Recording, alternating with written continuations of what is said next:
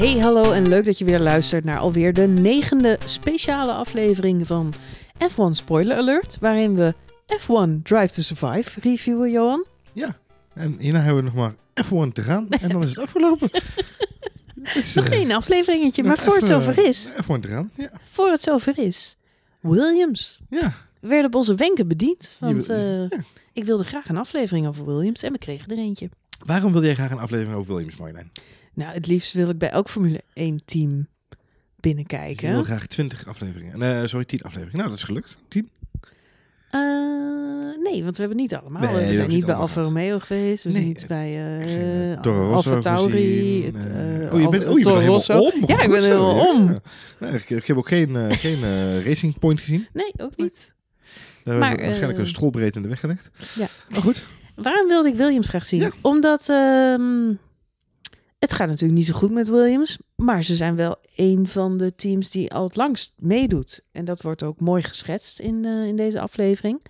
Eh, team met eh, rijke historie, grote successen. En ook een familiebedrijf. Echt een familiebedrijf. Ja, vind ik er ook wel mooi aan. Het is natuurlijk ook het team met de enige vrouwelijke teambaas. Alhoewel het officieel natuurlijk deputy team leader is, wordt ook duidelijk. Was mij ook Ja. compleet. Weet je, ik had het al compleet. Was het eigenlijk al een vergeten vergeten. Ik wist, ik wist het wel, maar ik was het vergeten. Maar ze is natuurlijk niet. Eigenlijk, eigenlijk is Frank nog steeds de teambaas. Ja, ja, hij is ook weer niet. eigenaar slash co-founder Ja. slash... Maar zij is zeg maar uitvoerend. eh, Uitvoerend, Claire is uitvoerend manager. Ehm, dus ja, maar, maar gewoon de, de dochter van de founder. En, Mhm. en we, eh, veel mensen die dit luisteren zullen ook die documentaire over Williams hebben gezien. Die trouwens ook op Netflix te bekijken is. Zo niet, kijk die dan even. want ja, ja, ja iets, iets daar aan, aan dat verhaal, dat, dat fascineert. Weet je wel? Hoe, hoe zij ooit Nigel Mansell binnen hebben gehaald. Ze zijn wereldkampioen geweest. In mijn tijd was dat dan met eh Damon Hill en daarvoor met Jacques Villeneuve. Ehm ze waren helaas ook het team waar eh, Senna verongelukte ehm, in een Williams. Ehm, dus ja, de, de, ja, dit is een household name. Hier, dit is geen eh, Force India waar elke paar jaar een ander naamplaatje op staat. Nee. Dit is er eentje die al heel lang meedoet. Dus ja, dat, dat fascineert me. En ik ben heel benieuwd hoe dat dan gaat. Ehm, we hebben Haas nu gezien. en We hebben Renault gezien. Nou, het ene spreekt je aan, het andere spreekt je wat minder aan. Van eh, Williams eh, viel me wel op dat de sfeer daar heel eh, gemoedelijk is. En het is, een, het is een hele Britse aangelegenheid. En ik als Groot-Brittannië-fan word daar dan wel weer blij van. Ja. Echter vraag ik me wel af of dat de meest... De weg naar succes is. Ja, dat vraag ik. Zou bij, ik zat deze aflevering te kijken. Toen dacht ik, ze zijn allemaal veel te aardig voor Formule 1. Het blijft wel heel lang heel beleefd. Ja, Ja. ze blijven zo beleefd tegen elkaar. Die auto gaat nooit op tijd klaar zijn voor Barcelona. Dat is hij uiteindelijk ook niet. En ze blijven maar vriendelijk naar elkaar klikken. Zo van, Ja. waar gaat het mis? Oh, die, die wielbout is nog niet. Oh, komt- vast goed. Hoe komt het dan? Nou, Hoe we komt houden het dan? We houden hoop. wat vervelend. Ja, we houden Oh, oh, oh, oh, oh, oh. Pompty dompty dom. En, eh, en eh, natuurlijk, ze zullen ook niet eh, alles gefilmd hebben. Dus zal, zullen heet, heus wel ehm, Ja, eh, hete discussie. ja, hete discussie eh, zeker Ja. wel geweest zijn. Ja. En eh, we krijgen natuurlijk een heel klein tipje van de sluier als we Claire Williams eh, in Barcelona een kort gesprekje zien hebben met eh Paddy Lowe, die op dat moment technisch directeur is. Ja, jij, jij definieert het wel als een gesprekje. Ja, ja. ja, Er zijn drie regels, hè? Nou, dit is wel, ik, tot die tijd dacht ik, goh, die, die Claire is eigenlijk veel te sympathiek. En toen dacht ik, oh nee, ze heeft ook wel een eh, behoorlijke...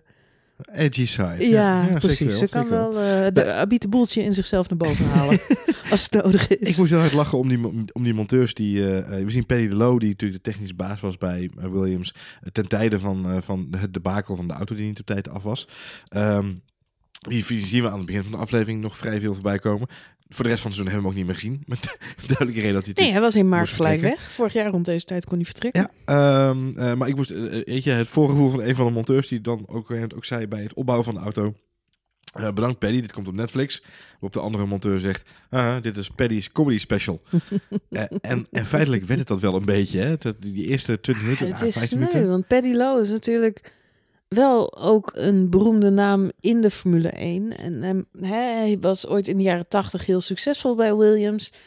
Bij Mercedes heeft hij nog... eh, Ja, hij mocht eerst bij McLaren is hij nog een tijdje, heeft hij een belangrijke functie gehad, daarna bij Mercedes.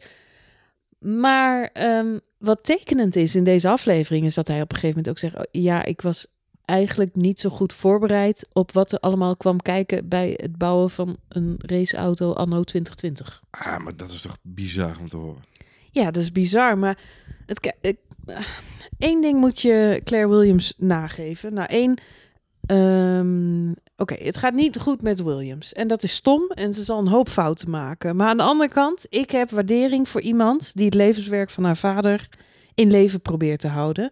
En niet alleen het levenswerk van haar vader, maar daarmee ook een, een Engels bedrijf met heel veel werknemers waar zij trots op is. Ja. Daar voelt ze iets voor. eh, en daar heb ik respect voor, dat je dat, eh, dat, je dat eh, doet. Een ander ding waar ik waardering voor heb, is dat zij dat helaas, in tegenstelling tot heel veel andere teams, met hele geringe middelen moet doen. Mhm. We maken er vaak grapjes over dat Williams geen onderdelen meer heeft. Of weet je, met name de ver weg races. Dan hebben zij ineens te weinig spul bij zich. Ja. Eh, dan gaat er een voor. Ik kan me, afgelopen seizoen ging er een neus kapot. Of er mocht geen neus kapot gaan, want ze hadden gewoon geen reserveneus meer bij, zich. Ja, precies. Ja, ja. Dat soort dingen. Ehm, maar het geeft ook wel aan, en dat viel me wel in al deze shots op in deze aflevering. Zelfs als je het slechtste team van het seizoen bent, het allerslechtste team op de grid, moet je anno nu nog van alles goed voor elkaar hebben. Je ziet eh, op een gegeven moment is eh, de, teamjasjes eh, worden, of, worden uitgedeeld en ze staat met bepaalde materialen. Oh, een mooie kleur. En dan hebben in de motorhome zie je langskomen, weer van die elektrische deuren gaan ze naar binnen. Dan denk ik, jongen, jongen, jongen, als je in de jaren 80 of zelfs in de jaren 90 Minardi was of zo, die hadden de shit echt niet zo goed op orde als dat ze bij Williams alsnog hebben. Die hadden een douchegordijn voor de deur hangen als eh, afdekking. Ja. Ja, nee, ja, maar ja, nou, nou, en dan nog even terug naar de jaren 70, waar ik toevallig laatst een heel leuk boek over las. Eh, Er zaten ze allemaal gewoon in, in caravans. En een campertje. Ja, die elke twee races uit elkaar vielen. En dan stonden ze gewoon ergens met pannen in Zuid-Frankrijk. En ze konden ook niet bellen, want mobiele telefoons bestonden niet. En dan was het, ja, sorry, maar we zijn niet bij de race. Want eh, de, de, Kom- de, de, camper die heeft eh, pannen.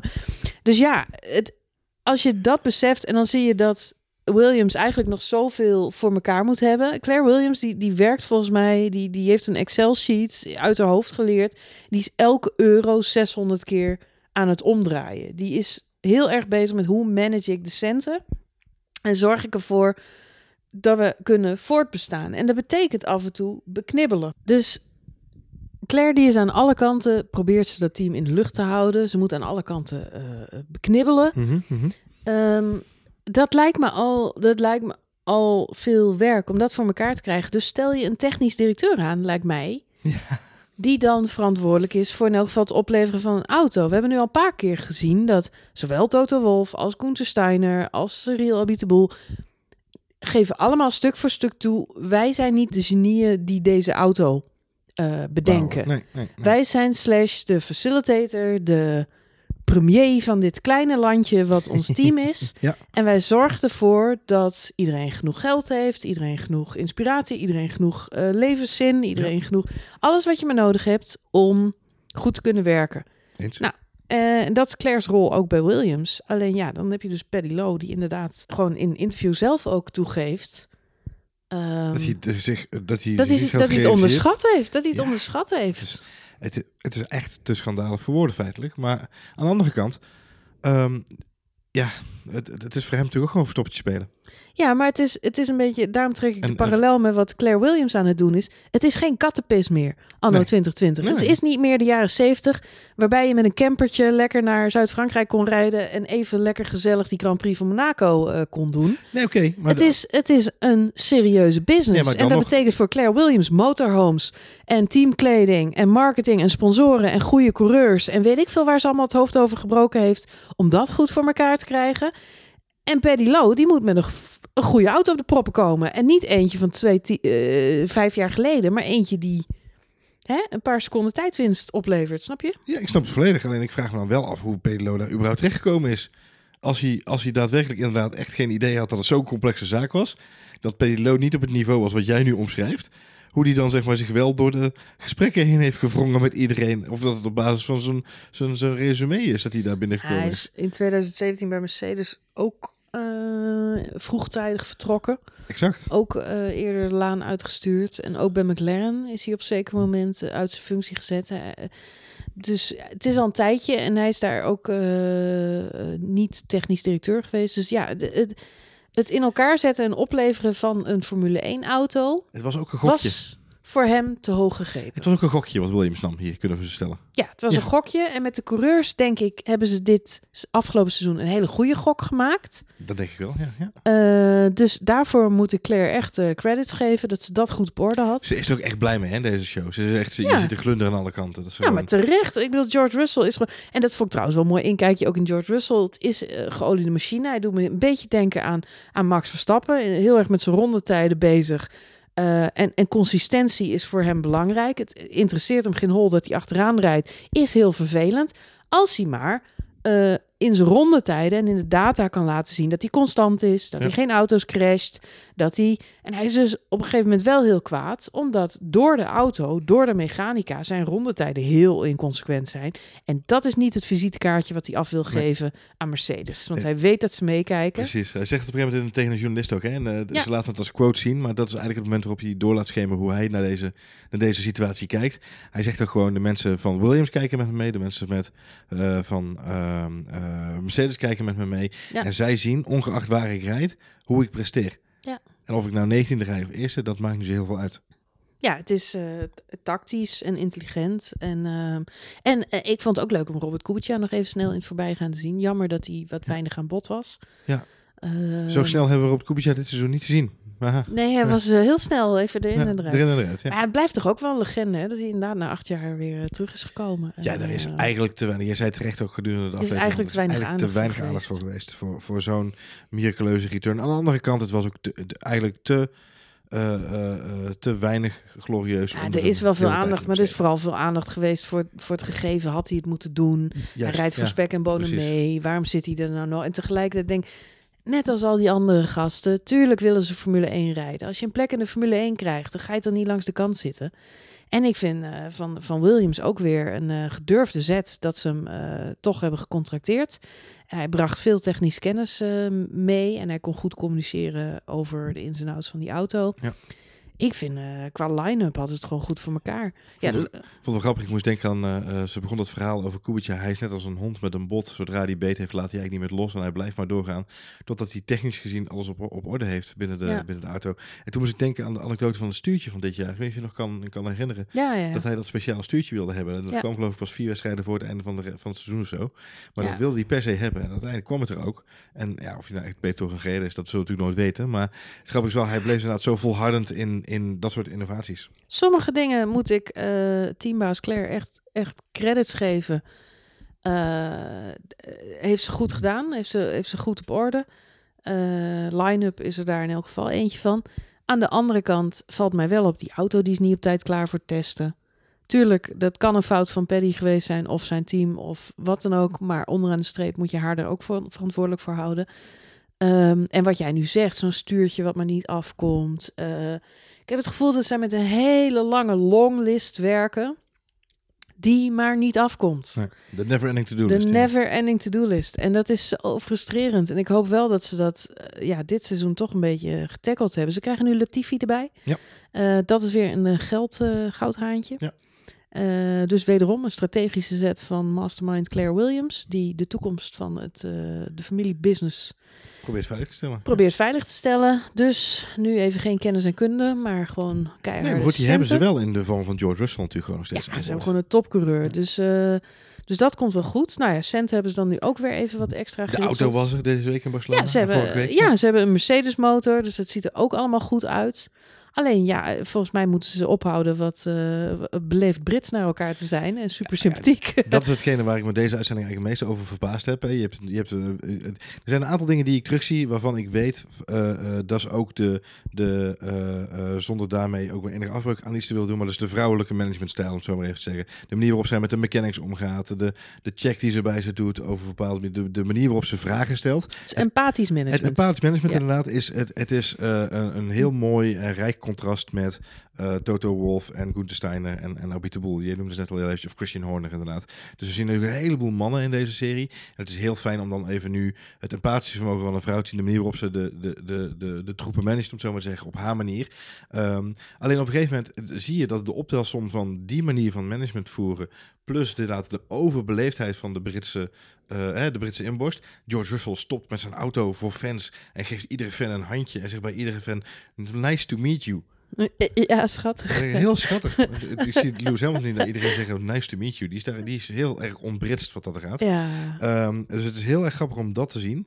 Um, uh, en op een gegeven moment ga je jezelf afvragen, oké, okay, maar waar trek je de lijn, Claire? Want dat zul je wel moeten doen.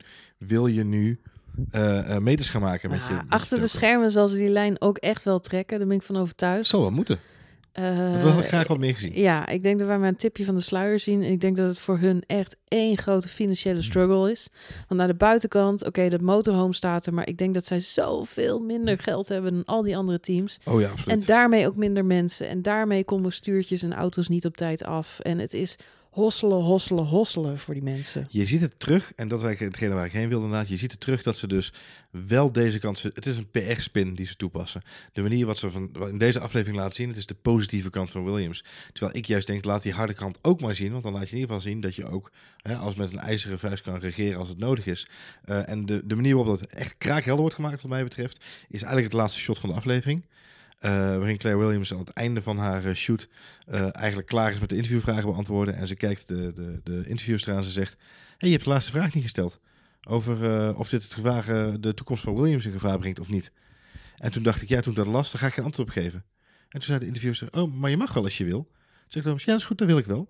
En vervolgens geeft ze er een antwoord op waarin ze zegt, nee, de kracht van Williams, we blijven knokken tot het einde. Want wij zijn Williams, zijn we vechters.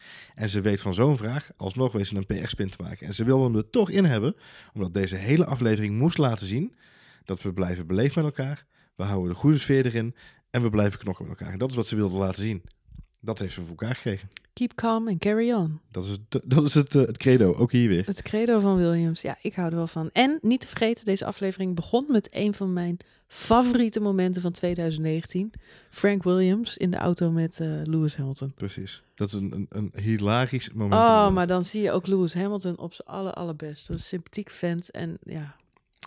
Marlijn, dan nog één dingetje waar we dan deze review mee mogen afsluiten. Ja. Ik heb in deze aflevering geen enkele Daniel Ricciardo oh, gezien. Oh, we hebben een Daniel Ricciardo vrije aflevering. We hebben een Daniel Ricciardo vrije aflevering. Niet waar. Dames en heren.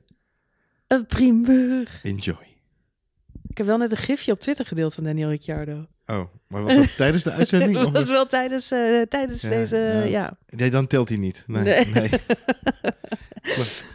We gaan door. het niet in de eh, uitzending zit. Nee, precies. We gaan door met de laatste aflevering, Drive to Survive. Aflevering 10, die heet Checkered Flag. En volgens mij wordt dat een hele mooie. Ik zag wat eh, preview shots en volgens mij wordt dit een mooie afsluiter.